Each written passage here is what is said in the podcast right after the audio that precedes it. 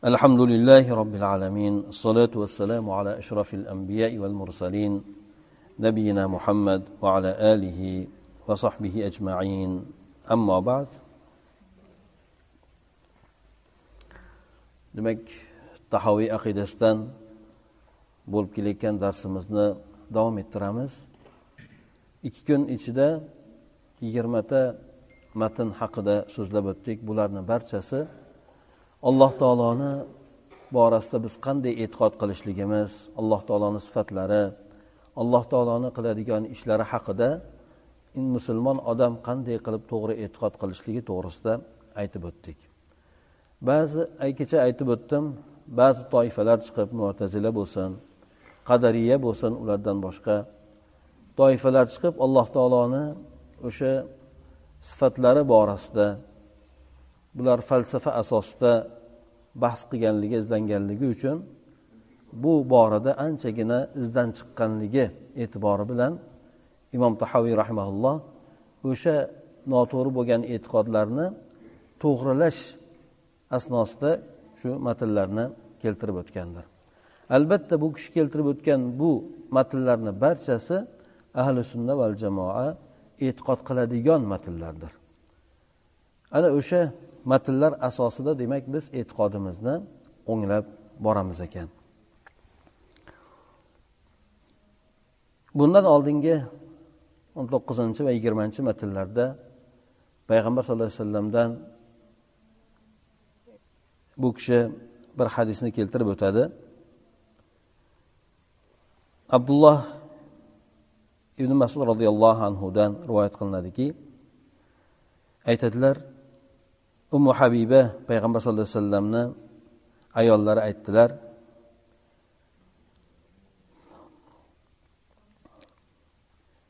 Ya'ni aytdilarki duo qilib ey parvardigori olam meni muhammad sallallohu alayhi vasallam bilan birgalikda foydalantirgin.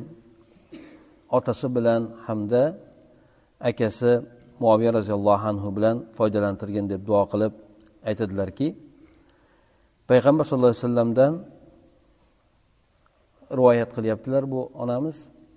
Payg'ambar sallallohu alayhi vasallam aytadilar alloh taolodan so'radim. Belgilab qo'yilgan ajallar haqida. Ya'ni kecha aytib o'tdikki alloh taolo insonlarni ajallarini oldindan belgilab qo'ygan. Qanday qilib taqdirni oldindan yozib qo'ygan bo'lsa shuningdek alloh taolo ajallarni ham belgilab qo'ygandir. Alloh taolo avvalda mana bugun taqdir haqida biroz gaplashib o'tamiz. Chunki bundan keyingi matnlarda taqdir haqida bizni e'tiqodimiz qanday bo'lishligi to'g'risida bu kishi ba'zi o'sha e- matnlarni keltirib o'tadi. Belgilab qo'yilgan muddatlar haqida sanoqli kunlar va taqsim qilingan rizqlar haqida so'radim deydi. Hech qaysi biri ajal bo'lsin rizq bo'lsin insonni belgilab qo'ygan kunlari bo'lsin birontasi vaqtidan oldin kelmaydi shuningdek bo'lishdan bir muddat keyin ham bo'lmaydi. Demak alloh taolo insonni umrini belgilab qo'ygan bo'lsa u belgilangan umrdan inson oldin ham o'lib ololmaydi shuningdek undan kechiktirib ham o'lib ololmaydi ayni belgilangan necha yosh belgilangan bo'lsa qaysi kunda qayerda jonni olishlikka alloh taolo hukm qilgan bo'lsa u insonni ayni o'sha joyda ayni o'sha paytda hech ham kechiktirilmasdan hamda oldin qilinmasdan demak u insonni jonini oladi. Demak ajallarni hammasi alloh taoloni qo'ldadir.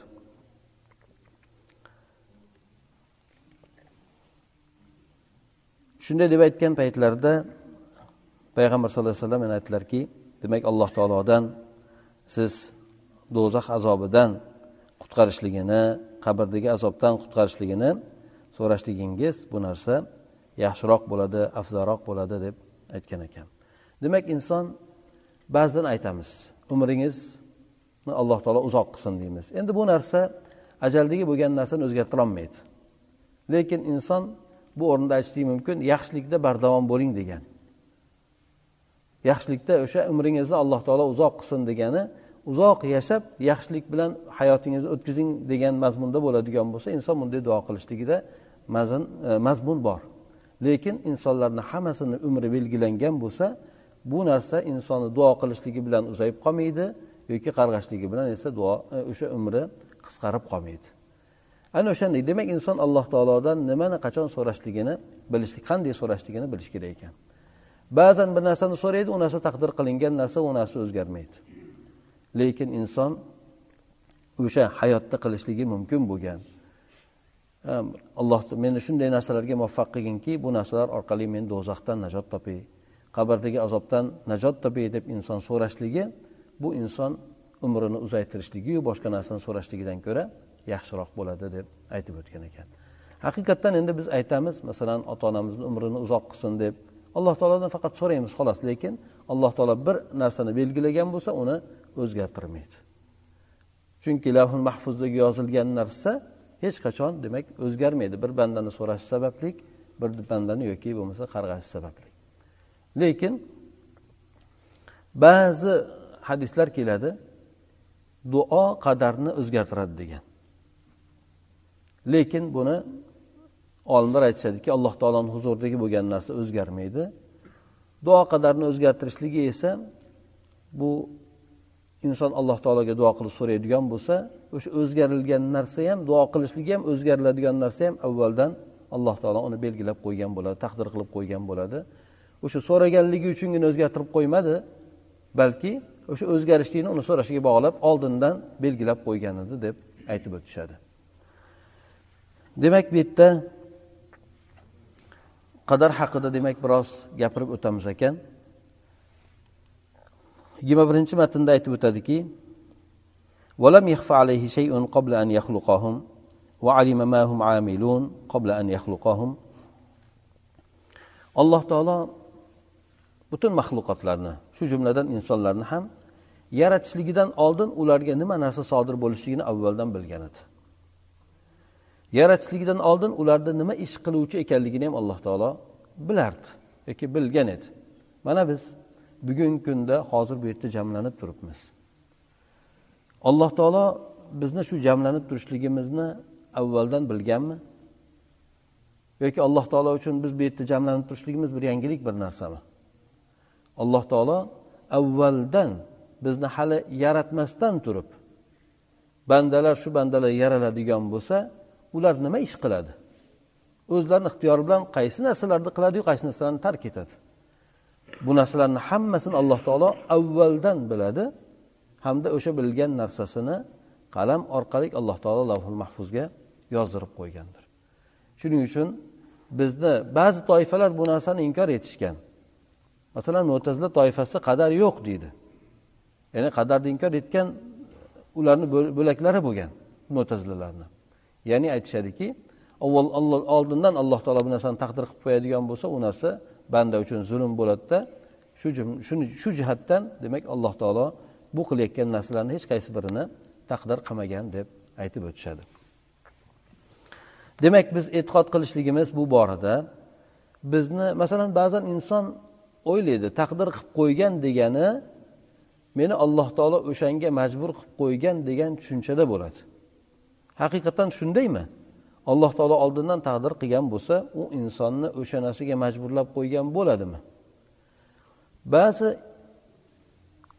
bu yerda kechagi kunimizda birinchi kunimizda aytib o'tdikki alloh taoloni irodasi haqida xohishi haqida gapirib o'tgan paytimizda bu borliqda alloh taoloni xohishigina amalga oshadi. Alloh taolo nimani xohlagan bo'lsa o'sha narsa albatta amalga oshadi degan mazmunda aytib o'tdik.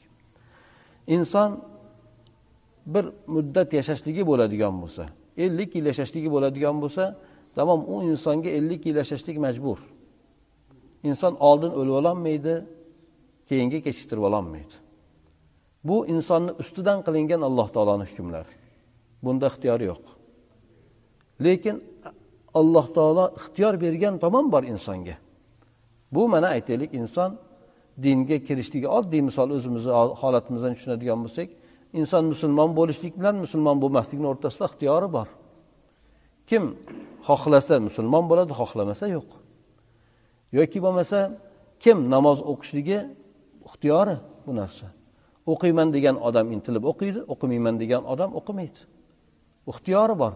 Birov o'qiyotgan odamni orqasidan itarib sudrab turib o'qishga qo'yib qo'yayotgan yo'q. Yoki bo'lmasa o'qimayman degan odamni demak majbur tortib turib o'qiysan deb bir narsaga olib kelib qo'yilayotgani yo'q. Bo'lmasa yoki o'qiyman deyayotgan odamni ham to'xtatib turib o'qimaysan deb uni surib qo'yilayotgani yo'q. Insonda bu narsa to'liq suratda insonda ixtiyorida bor. O'sha narsalarda bizni ixtiyorimizda bo'lgan narsalar haqida gapirib o'tmoqchimiz. Chunki majburiy bo'lgan inson ustidan qilingan hukmlarda biz mas'ul bo'lmaymiz. Aytib o'tdik demak insonni rangi qayerda tug'ilishligi qaysi millatdan bo'lishligi qaysi zamonda dunyoga kelishligi bu narsalarda insonda ixtiyor yo'q. Buni alloh taolo o'zi xohlagan. Biz xohlagan bo'lganligi uchun alloh taolo bu narsalar haqida bizdan so'ramaydi. Nima uchun? Ranging pistondaqa bo'ldi bo'ying past bo'ldi boshqa bo'ldi bu narsalarda alloh taolo bizdan so'ramaydi. Lekin biz amalimiz haqida so'raydi. Shu amallarimizni alloh taolo oldindan taqdir qilgan. Endi bizni amalimiz oldindan taqdir qilgan deb aytadigan bo'lsak unda ba'zi odamlarda tushuncha paydo bo'ladiki alloh taolo oldindan belgilab qo'ygan bo'lsa biz o'sha qadardan chiqmasdan yuramiz ekanda demak biz unda majbur alloh taolo nimani yozib qo'ygan bo'lsa biz o'sha narsani qilamiz ekan. Endi alloh taolo shu taqdir shu gunoh qilishligimni taqdir qilgan ekan. Endi men qayerga boraman endi deydi yoki bo'lmasa o'sha harom narsani qilishlikni alloh taolo menga taqdir qilgan bo'lsa men nima qilaman deydi. Demak allohni taqdiriga binoan yashab o'tamanda degan ba'zida tushuncha bo'lib qoladi.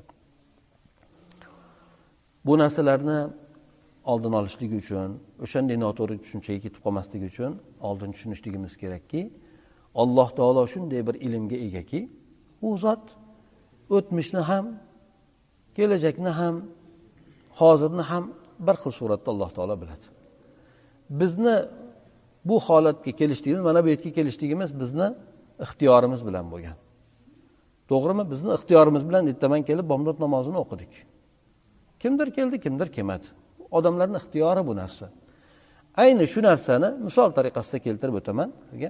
Alloh taolo avvaldan bilganda bizlarni hali yaratishligimiz yaratishligidan oldin hatto bizni ruhlarimizni ham yaratishligidan oldin mana hadislarda keladi yeru osmonlarni yaratishlikdan ellik ming yil oldin deydi alloh taolo qalamni yaratgan va yoz degan nimani yozay degan paytida qiyomatgacha bo'ladigan barcha narsani yoz deydi qalam alloh taoloni izni bilan qiyomatgacha bo'ladigan hamma narsani taqdirotini yozadi.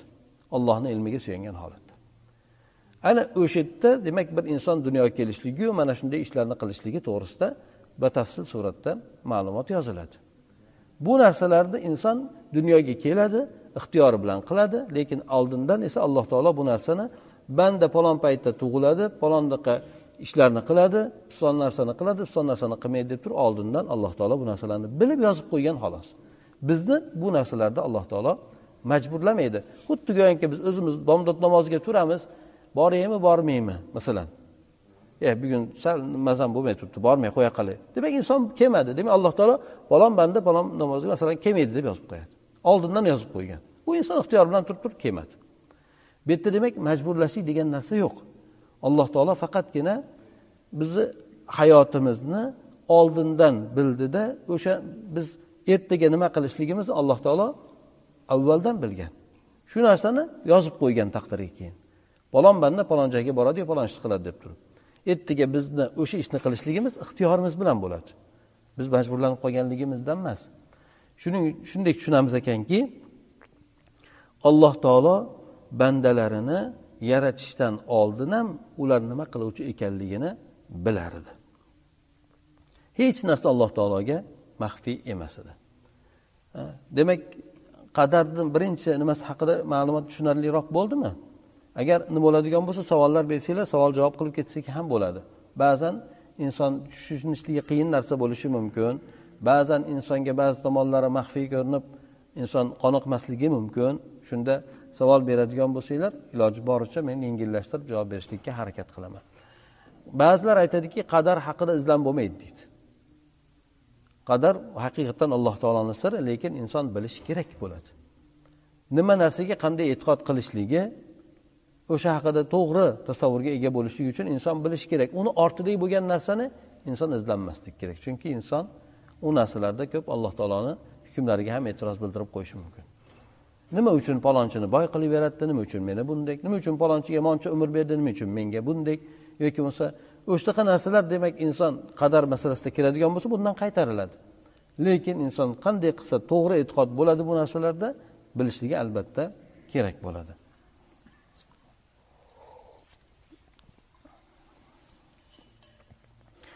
Demak inson birinchi qadarga iymon keltirishi kerak ekan avvalo alloh taoloni ilmini bilish kerak. Alloh taolo azaldan bandalari qachon dunyoga keladiyu nima ishlarni qiladi u narsalarni bilib yozib qo'ygan. Bandalar nima ish qilishligini bilib yozib qo'ygan. Tushunarli bo'lsa kerak ya'ni bandalar nima ish qiladi ular ixtiyori bilan o'sha narsalarni bilib yozib qo'ygan. Oldindan demak o'sha narsa asosan taqdir deb aytiladi. U narsada inson majburlanishligi degan narsa yo'q. Chunki insonni bir narsaga majburlab turib keyin lekin uni ustida hisob kitob qilishligi bu zulm bo'ladi insonga. Bu alloh taologa esa bu narsa loyiq emas. Yana bu mavzuga sekin sekin qaytamiz chunki e, bugungi suhbatimiz asosan qadar haqida bo'lar ekan.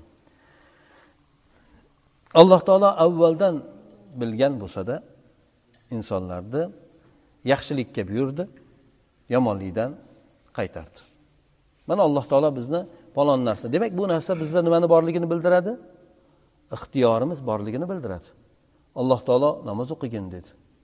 Harom narsani qilmagin dedi. Agar inson oldindan belgilanib u majbur qilinganda alloh taolo unday qilmasdi.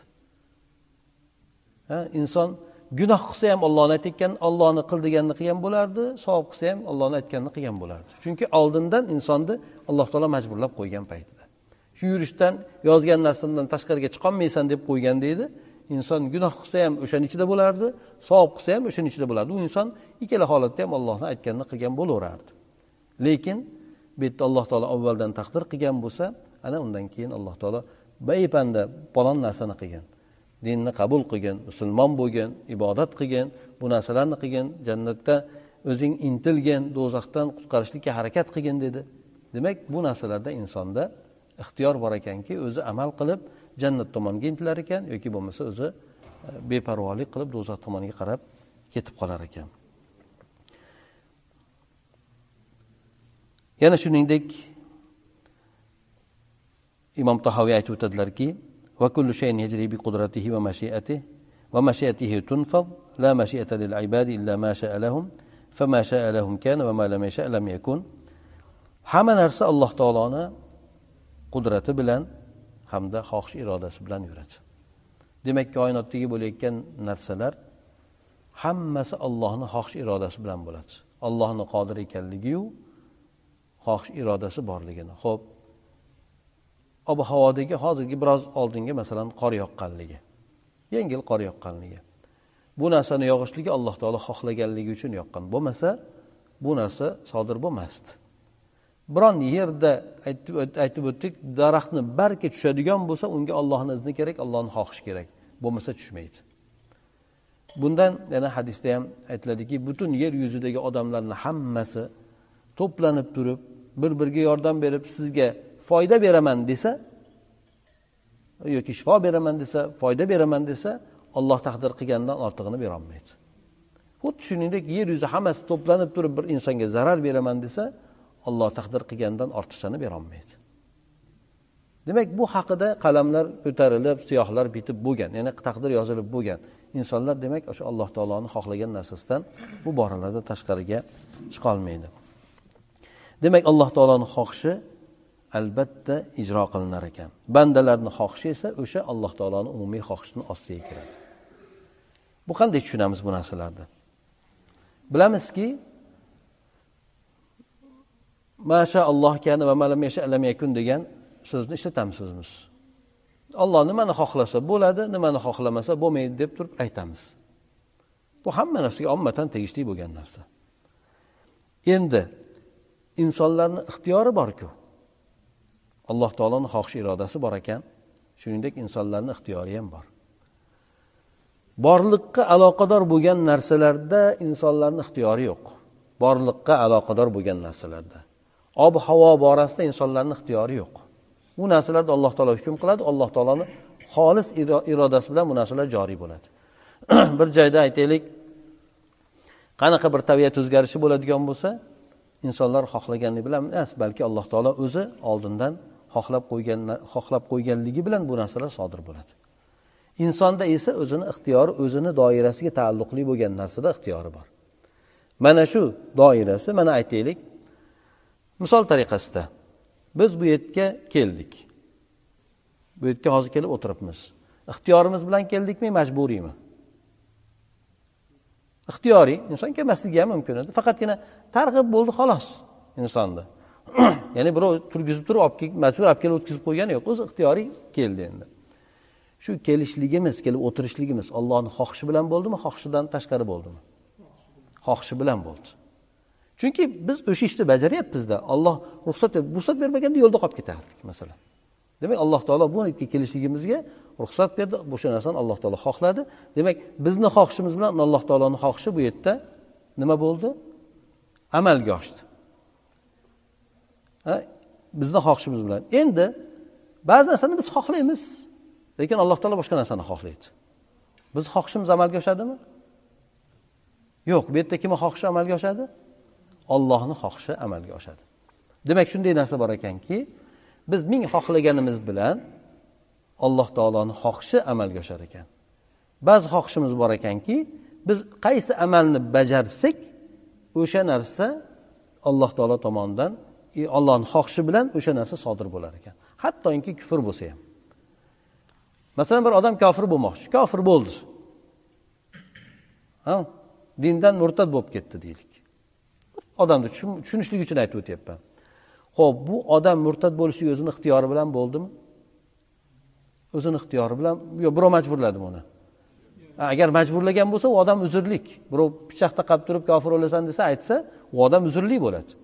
Lekin o'zini ixtiyori bilan qaytib ketdi dindan buni olloh xohladimi? Ollohni xohishiga zid ish qildimi? Olloh xohladi. Lekin olloh buni yaxshi ko'rmaydi. Olloh uni yaxshi ko'rmaydi. Odam dindan qaytishligi ollohni xohishi bilan lekin alloh taolo uni xohlamaydi. Inson musulmon bo'ldi. Alloh taolo buni xohlaydi shuningdek yaxshi ham ko'radi. Demak alloh taoloni yaxshi ko'rishligi bor narsa alloh taoloni xohlashligi bor narsa. Ba'zan ikkisi jamlanadi ba'zan ikkisi ayri bo'ladi. Alloh taolo bir narsalarni xohlaydi lekin uni albatta yaxshi ko'rganligini bildirmaydi. Ha aytdik bir banda bir masalan dindan qaytib ketganligi ollohni xohishi bilan bo'ldi u narsa. Kavniy xohishi bilan. Alloh taolo uni yoqtirib yaxshi yaxshi ko'rmaydi. Shuning uchun ey banda murtad bo'lmagin deydi. Islomda mahkam turgin deydi. Bo'lsang do'zaxi bo'lasan deydi. Aytib turadi bu yerda. U lekin manda ixtiyor bilan qildi lekin bu qilgan ishi alloh taoloni o'sha kavniy bo'lgan ishiga zid emas balki alloh taoloni shariatda bizga buyuradigan narsalarga ziddir. Alloh taolo undan kofir bo'lishligini yaxshi ko'rmaydi garchi xohlagan taqdirda ham. Shuning uchun alloh taoloni xohishini ahli sunna olimlari ikkita olloh ikki xil alloh taoloni xohishi bor deb oladi. Bir xohishi bor alloh taoloni uni yaxshi ko'rish yaxshi ko'rmasligiga aloqasi yo'q.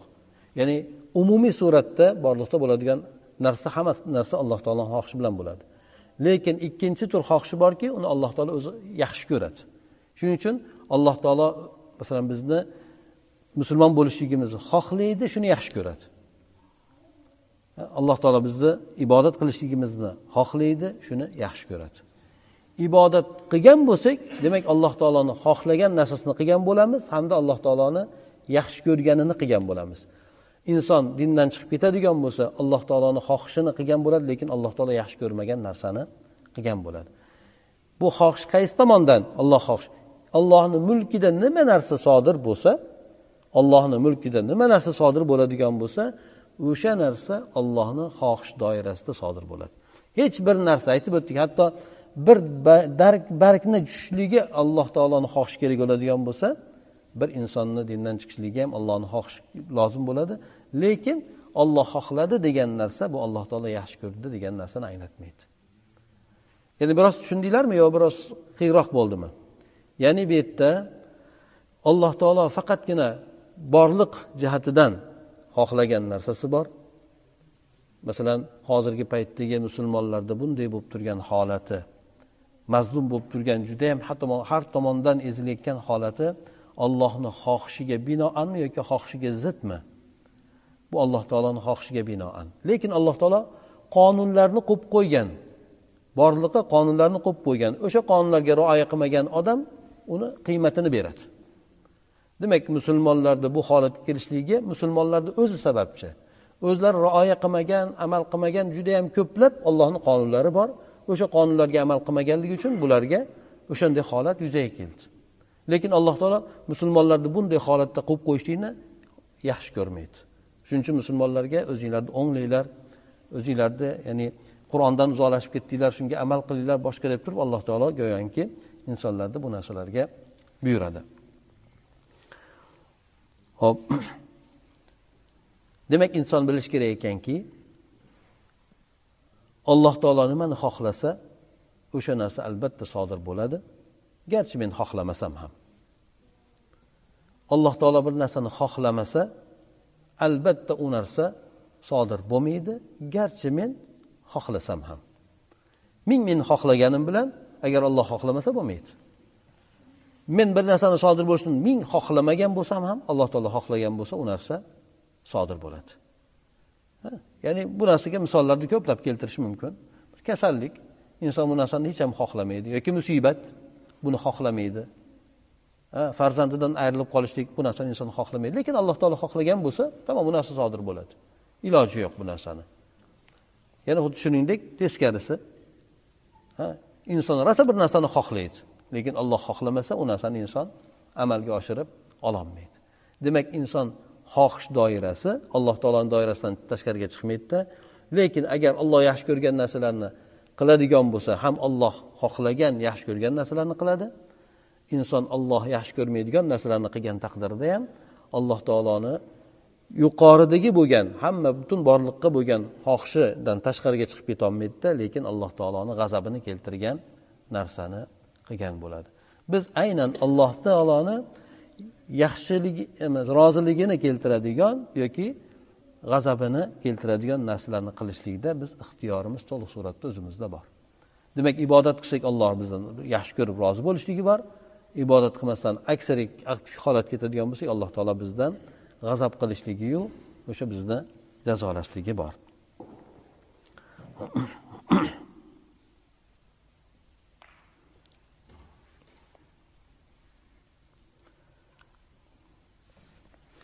endi bu yerda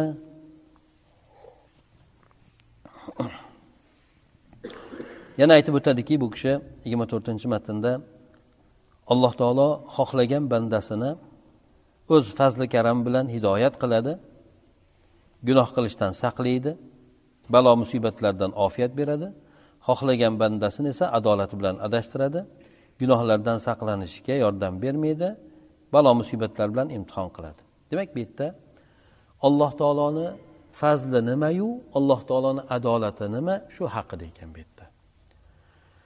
Alloh taolo band hech qaysi bir bandaga zulm qilmaydi. Hech qaysi bir bandaga zarracha alloh taolo zulm qilmaydi. U bandaga alloh taolo adolat qiladi.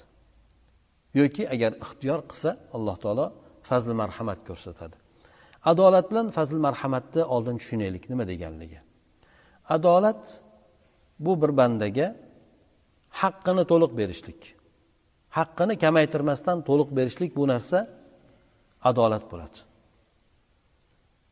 Bu odam aytaylik o'n soat ishladi bu odam besh soat ishladi. Bir xil ishda. Ikkalasini teng qilsak biz adolat qilgan bo'lamizmi? Oyligini teng qilib bersak adolat qilmagan bo'lamiz. Yoki bo'lmasa o'n soat ishlagandikini besh soat ishlaganda oyligi bilan bir xil qilib bersak adolat qilamizmi? Adolat qilmagan bo'lamiz. Chunki buni vaqtini kamaytirib bu bilan teng qilib berib qo'ygan bo'lamiz. o'n soat ishlagan odamga o'n soat haqqini berishlik besh soat ishlagan odamga besh soat haqqini berishlik bu narsa nima bo'ladi? Adolat bo'ladi. Adolat bo'ladi. Endi insonda fazl marhamat degan narsa ham bor. Tushunadigan bo'lsak. o'n soat ishlaydigan odamga masalan aytaylik besh yuz dollar berdik. Besh soat ishlagan odamga o'zi aslida berishligimiz qancha berishimiz kerak edi? ikki yuz ellik berishimiz kerak edi. Boring ana biz o'zimiz bu odamni qanaqadir bir yaxshi ko'rib boshqa qilib turib to'rt yuz dollar berib yubordik bunday aytganda. To'rt yuz dollar berdik. Narigi o'n soat ishlagan odamga besh yuz dollar berdik. U odam kelishuv shunaqa edi. U odam aytdiki nimaga bunga to'rt yuz berasan? Menga ham ko'paytirib ber desa. Buni talabi haq bo'ladimi? Yo'q. Nimaga? Kelishuv bor. Kelishuvga zulm qilindimi? Zulm qilinmadi berdi. Nimaga bunga berasan? desa bu meni ixtiyorim. Men o'zim xohlab berdim. Senikini kam berdimmi? Yo'q senikini kam bermadim. Kelishuv bo'yicha yetarli qilib berdimmi? Bu odamga qancha berishlik bu meni ixtiyorim bu. Demak adolat bilan fazilatni biroz tushundikmi adolat hech ham kelishuvdan kamaytirilmasdan to'liq suratda o'shani berishlik bu adolat bo'ladi. Fazilat zulm endi o'shani kamaytirib berish bo'ladi. besh yuzga kelishib turib uch yuz bersak unda zulm qilgan bo'lamiz. Unda u odamni haqqi qoladi. Menga ikki yuz dollar kam berding menga zulm qilding deb turib. Buyoqdek bo'lgan odamga o'zi ikki yuz ellik kelishgan edik lekin uch yuz to'rt yuz qilib oshirib berdi bu odam. Kimdir masalan ba'zan bergisi keladiku bir odamga. Ehtimol bolasi ko'pdir ehtimol u odamni ko'rinishi muomalasi yoqqandir ehtimol boshqa tomoni yoqqandir nima bo'lsa ham xullas kalom u odamga to'rt yuz berdi lekin bu odamga nima qildi u odam? Fazli marhamat ko'rsatdi. Demak nariyadagi bo'lib turgan odamni menga ham o'shanaqa ko'paytirib berasan deb talab qilishligi mumkin lekin haqqi yo'q. Ana alloh taolo bandalarga qiladigan muomalasi yo adolatga asoslangan yoki fazli marhamatga asoslangan. Alloh taolo hech qaysi bir bandaga zulm qilmaydi. Hech qaysi bir bandaga. Buni endi alloh taoloni bu qilgan ishiga ko'ra tushunishga harakat qilamiz. Alloh taolo insonlarni o'ziga ibodat qildirishlik uchun payg'ambarlarni yubordi. Alloh taolo payg'ambarlarni meni dinimga yoki menga ibodat qilishlikka da'vat qilinglar deb payg'ambarlarni odam alayhissalomdan tortib muhammad sallallohu alayhi vasallamgacha yubordi. Kitoblarni nozil qildi. Payg'ambarlar butun hayotini o'sha da'vatga bag'ishlab o'tkazdi. Ularni ergashuvchilari ham o'sha payg'ambarlarni ortidan odamlarni dinga da'vat qilib o'tkazdi umrlarini. Odamlarga har birlarini o'zini davrlarida hujjatlar keldi. Payg'ambarlar hattoki odamlarni ishontirishlik uchun mo'jizalarni ko'rsatishdi. Bu narsalarni hammasi alloh taoloni adolatiga asoslangan demak bir odamga payg'ambar kelmadi menga. Haqiqatdan u odam sahroda yashaydi o'rmonda yashaydi. Payg'ambar kelgani yo'q. U din haqida bilgani yo'q. Bu odamni uzri bor. Alloh taoloni huzuriga borganda aytadiki parvardigor olam menga din kelmadi. Kelganda men yo'q edim. Umuman men u haqida eshitmadim. Eshitmagan bo'lsa alloh taolo uni uzrini qabul qiladi. Yoki payg'ambarlar kelganu u paytda u bola yoshligida vafot etib ketgan. Balog'at balog'atga yetmasdan vafot etib ketdi. Bu bolani uzri bo'ladi alloh taoloni huzurida. Chunki u balog'atga yetgandan keyin mas'ul bo'ladiku inson. Balog'atga yetmasa unga gunoh savob degan narsa yozilmaydi. Gunoh yozilmaydi xossatan. Balog'atga yetgandan boshlab turib unga o'sha mas'uliyat tushadi. Musulmon bo'lmasa u demak agar shuni balog'atga yetib o'tib musulmon bo'lmasdan o'tadigan bo'lsa u kofir bo'lib ketadi. Ho'p yosh bolalarchi endi. Balog'atga yetmagan pastdagi bo'lgan kofirlarni bolalari. Bular dunyoda kofirdek muomala qilinadi. Chunki otalariga ergashtiriladi. Lekin oxiratda o'ladigan bo'lsa alloh taolo ularni uzrini qabul qiladi. Uzrini qabul qilib alloh taolo olimlarni fikr berishligiga ko'ra ba'zi rivoyatlarga ko'ra alloh taolo ular odamlarni shunday bo'lgan odamlarni o'zi qiyomatda bir imtihon qilib sinab ko'radi. Din kelganu bu odam aqli ishlamaydigan majnun bo'lgan. Din kelganu u odam sahroda yoki o'rmonda yashab umuman u narsalardan xabari qolmagan yoki din kelganu u odam yoshligida vafot etib ketgan. Bunday bo'lgan odamlarni alloh taoloni huzurida uzri bor. Biz odamlarga azob yubormaymiz azoblamaymiz qiyomatda. Hatto ularga payg'ambarlarni yubormagunimizgacha. Demak payg'ambar kelib ularga dinni berib targ'ib qilib da'vat qiladigan bo'lsa ana undan keyin ularni ustida hujjat qoyim qilinadida ularni demak uzri qolmaydi. Shunda farishtalar qiyomatda aytadiki ya'ni payg'ambar kelganda qatta eding nimaga payg'ambarga ijobat qilmading? Farishtalar odamlarga malomat qiladi shunday deb turib. Demak bu yerda tushunamiz ekanki alloh taolo insoniyatga adolat qilishligi insoniyatni haqqini berishligi insoniyatni haqqi alloh taolo tomonidan yuborilgan narsani eshitishligi u narsaga da'vat qilinishligi. Endi inson ixtiyor. Qabul qilsa alloh taoloni o'sha elchisini qabul qilib o'ziga yaxshilik yo'lini tanlagan bo'ladi. Qabul qilmaslik ixtiyor. Mana payg'ambar keldi da'vat qildi umrlarini o'tkazdi. Mana nuh alayhissalom ming yil da'vat qildi odamlarni. To'qqiz yuz ellik yil shu da'vat qildi. Bir necha odam iymon keltirdi. Sahih rivoyatga binoan o'n ikkita odam deydi. O'n ikkita odam ming yilda.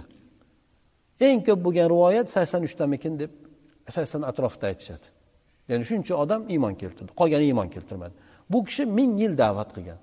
Aytadi ertamanu kechasi da'vat qilgan. Oshkorayu maxfiy suratda hamma da'vatchilarni qo'llagan. Lekin odamlar iymon keltirmadi. Ixtiyori bilan o'zini ixtiyori. Xohlasin iymon keltirsin. Xohlagan odam iymon keltirsin xohlagan odam iymon keltirmasin alloh taolo insonlarga ixtiyorni berdi bu narsada. Demak alloh taolo insonlarga ixtiyorni berdi. Payg'ambarlarni yubordi. Ular alloh taoloni dinini targ'ib qilishdi da'vat qilishdi mo'jizalar ko'rsatishdi odamlarni shu narsaga da'vat qilishlik uchun. Demak alloh taolo o'zini zimmasidagi bo'lgan narsani ado etdi. Kimga din yetmay qolgan bo'lsa yoki aytib o'tganimizdek kichkinaligida o'tib ketgan bo'lsa bu odamni uzri bor. Alloh taolo uni uzrini qabul qiladi. Toinki unga zulm bo'lmasligi kerak. Haqqidan kamaytirilmagan bo'lishi kerak. Tushunarli bo'ldimi alloh taolo? Demak adolati insonlarni yo'lga yo'llab qo'yishlik ularga dinni tushuntirib qo'yishlik payg'ambarlarni yuborib payg'ambarlarni ergashuvchilarni ham yuborib turib olimlarni yoki da'vatchilarni odamlarga demak dinlarni yetkazishga harakat qilishdi. Hamma payg'ambar o'zini risolasini ya'ni oliy darajada yetkazdi ado etdi odamlarga. Ana endi inson ixtiyori ixtiyori insonda. Xohlasin qabul qilsin xohlasin qabul qilmasin. Demak u adolati berildi endi. Alloh taoloni fazli marhamati bor. Fazli marhamati haligi aytib o'tganimizdek bu adolatdan yuqori bo'lgan narsa adolatga qo'shimcha bo'lgan narsa. Bu fazli marhamati bilan alloh taolo qaysi bir insonlargadir qalbini dinga ochib qo'ydi. Qaysi bir insonlardadir alloh taolo shu o'sha nimaga yordam berdi. Payg'ambarni nimasini qabul qilishligi insonga o'sha narsani suyumliroq qilib qo'yishligi insonga u narsani oson ko'rsatib qo'yishligi boshqa narsalar bilan alloh taolo bandalariga yordam berdi. Qaysi bir bandalargadir yordam berdi. Bu alloh taolo xohlagan bandasiga fazl marhamat ko'rsatadi. Xuddi go'yoki siz shirkat egasi bo'lib turib xohlaganiga oyligini berasiz xohlaganiga oyligini jinday oshirib berasiz. Bu ixtiyoringiz sizni. demak oyligini hammaga bergandan keyin falonchiga qanaqadir bir tomondan yordam qilgisi kelibdi yordam qildi. Bu sizni unga bergan nima fazli marhamatingiz bo'ladi. Birov sizni bunga majburlagani yo'q. Siz o'z ixtiyoringiz bilan berdingiz. Alloh taolo ham hammaga adolatda o'rnatgandan keyin bergandan keyin o'zi xohlagan bandalariga fazli marhamat ko'rsatdi. Bu narsa esa insonlarni dinga qalblarini ochib qo'yishligi. An yahdiyahu yashrah ومن يريد أن يضله يجعل صدره ضيقا حرجا كأنما يصعد في السماء alloh taolo mana undan oldin aytadigan bo'lsak alloh taolo xohlagan bandasini hidoyat qiladi xohlagan bandasini adashtiradi deb oyatlar bor shunday tushunamiz alloh taolo adashtirishligi qayerda bo'ladi mana alloh taolo kimniki adashtirishsa u adashgan bo'ladi Kimniki hidoyat qilgan bo'lsa u hidoyatlangan bo'ladi degan oyatlar bor. Alloh taolo kimniki adashtirsa degani qanday tushunamiz? Alloh taolo uni majbur kufr yo'liga solib qo'yadimi? Iymonni oldidan to'sib turib yo'q sen kofir bo'lishing kerak deb turib kofirga kufrga olib kirib qo'yadimi? Yo'q. Alloh taoloni adolatiga to'g'ri kelmaydi. Alloh taoloni adolati o'sha aytib o'tgan e, adashtirishligi insonni insonga adolati bilan muomala qilishligi bo'ladi. Alloh taoloni adashtirishligi insonga adolat bilan muomala qilishligi bo'ladi. U insonga payg'ambarlar keldi din keldi da'vat qilindi u insonni ixtiyorida mana aytaylik namoz o'qimayapti. U insonni o'zini ixtiyori demak alloh taolo tomonidan unga boshqa olimlar tomonidan ey namoz o'qimasang do'zax olasan deb aytilyapti.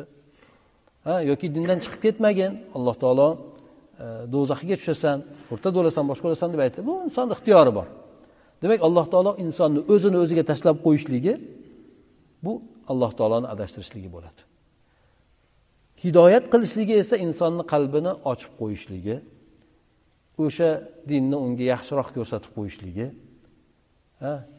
tafakkurini o'sha tomonga yo'naltirib qo'yishligi bu insonga beradigan alloh taoloni hidoyati bo'ladi. Inson o'zi bilan o'zi qoladigan bo'lsa alloh taolo marhamatini olib qo'yadigan bo'lsa ya'ni o'ziga o'zini tashlab qo'yadigan bo'lsa unga ta'sir qiluvchi omillar judayam ko'p. Inson u ta'sirlarni ostida mag'lub bo'lib qoladi. Birinchidan insonda havoyi nafsi. Xohish istagi biz bir amalni qiladigan bo'lsak xohish istagimizga qarshimi yoki xohish istagimizni nimasi bilan qilamizmi? Xosatan din masalalarida. Xohishimizga qarshi bo'ladi man ertaman turib bomdodga turib o'qishlik. Nafs xohlaydimi shu narsani? Xohlamaydi. Ya'ni nafs oromni xohlaydi. Biroq uni bezovta qilmasligini xohlaydi. Sovuqqa chiqmaslikni xohlaydi. Bu nafsni xohishida bu narsa. Inson o'sha nafsiga qarshi turib o'y tur deb bomdodga turmasang bo'lmaydi deb o'zini turgizadi. Nafsini nimasiga qaramasdan ey sen bunga quloq solmagin deb turib o'zi men turishim kerak deb turib o'zini o'zi majburlab birovni majburlamaydi o'zini o'zi majburlab turadi. Nafsiga zid bo'ladi. Nafs aytaylik bu yerda harom yo'l bilan ozgina pul kelayotgan ko'p pul kelayotgan bo'lsa halol tomondan ozroq bo'ladigan bo'lsa nafsi bu tomonga qaraydi. Yo olaver deydi. Uni qiziqtiradi o'sha tomonga. Odam nafsiga qarshi kurashib turib o'zini tiyadi. Nafsiga qarshi kurashadi. Demak insonni atrofida ta'sir qiluvchi bo'lgan nafsi bor. Shaytonchi. Shayton yuz foiz harakatini insonni adashtirishga sarflaydi. Ertamanmi kechasimi? Farqi yo'q. Kechasi turing shaytonni vasvasa qilayotgan holatda topasiz u davom olmaydi bunday aytganda. Ya'ni sizdan uzoqlashib ham ketib qolmaydi. Doim u hozir nozir sizni oldingizda sizni adashtirishlik uchun. U shunday yaratilgan. Demak nima bor ekan? Nafsimiz bor shayton bor. Muhitchi muhit bizga islomga yordam beradimi islomga qarshimi? Bunday muhit islomga qarshi. Undan tashqari ya'ni odamni musulmon bo'lishligidan chiqaruvchi islomdan uzoqlashtiruvchi bo'lgan muhitda kufrni ziynatlab beruvchi. Undan tashqari odamni o'rtoqlari bo'ladi. O'rtoqlari ham agar yaxshi bo'lmaydigan bo'lsa ular ham insonga ta'sir qiluvchi bo'ladi. Demak inson shuncha dushmanni atrofida qolishligi o'zini saqlab qololmaydimi? Yo'q inson saqlab qololmaydi.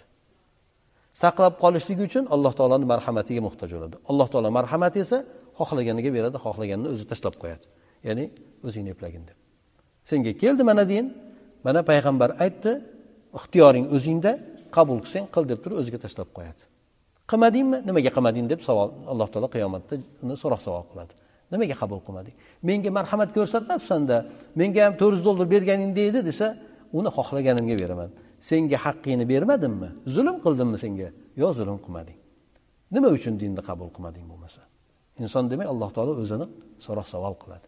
Haligi inson demak alloh taoloni adolatida yuradi. Yana qaysi bir insonlargadir alloh taolo fazli marhamat ko'rsatadi. Buni mana aytaylik. Inson bir narsadan arzimagan narsadan ta'sirlanib turib dinga kirib ketib qoladi. Alloh taolo uni o'sha narsada marhamat qiladi. Ya'ni unga o'sha narsani ziynatlab beradi o'sha narsada tafakkurini ochib qo'yadi boshqa qiladi. Inson o'sha narsani ko'rib turib arzimagan kichkina narsa kichkina bir voqea sababli u odam dinga kirib ketib qolishi mumkin. Buni alloh taolo unga bergan marhamati bo'ladi fazli bo'ladi. Shuning uchun bilaylik qaysi bir odam musulmon bo'lgan bo'lsa qaysi bir odam dinni qabul qilgan bo'lsa ibodatdagi bo'lsa bu odam alloh taoloni fazli bilan emas adolati bilan emas nima bilan muomala qilingan bo'ladi? Fazli bilan muomala qilingan bo'ladi. Shuning uchun alloh taolo xohlagan odamini haqqa yo'naltiradi. Mana payg'ambar sallallohu alayhi vasallam amakilari bilan bo'lgan voqeani eslaylik abu tolib bilan. Shuncha harakat qildi payg'ambar alayhisalom ey amaki dedi. Hatto vafot etadigan paytida ham la ilaha illalloh deng dedi. Bir marta ayting la ilaha illalloh deb turib. O'sha narsani men alloh taoloni huzurida hujjat qilaman. Bo'lmasa u kishi abu tolib dinni to'g'ri deb bilmadimi to'g'riligini bildi. Payg'ambar alayhisalom haqligini bilmasmidi? Bilardi. Chunki payg'ambar alayhissalomni himoya qildi. Boshqalardan himoya qildi. Musulmonlarga qaysi bir ma'nodadir yordamlar berdi. Lekin u kishi umrini oxirida murtad ya'ni musulmon bo'lmagan kofir mushrik bo'lgan holatda o'tib ketdi. Alloh taolo aytdiki payg'ambar sallallohu alayhi vasallamga siz xohlagan odamingizni hidoyat qilolmaysiz dedi.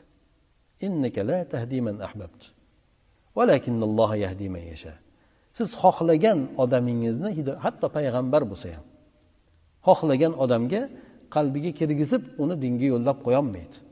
Lekin olloh xohlaganiga beradi. Demak o'sha kishiga alloh taolo bermadi. Ollohni o'zini hikmati.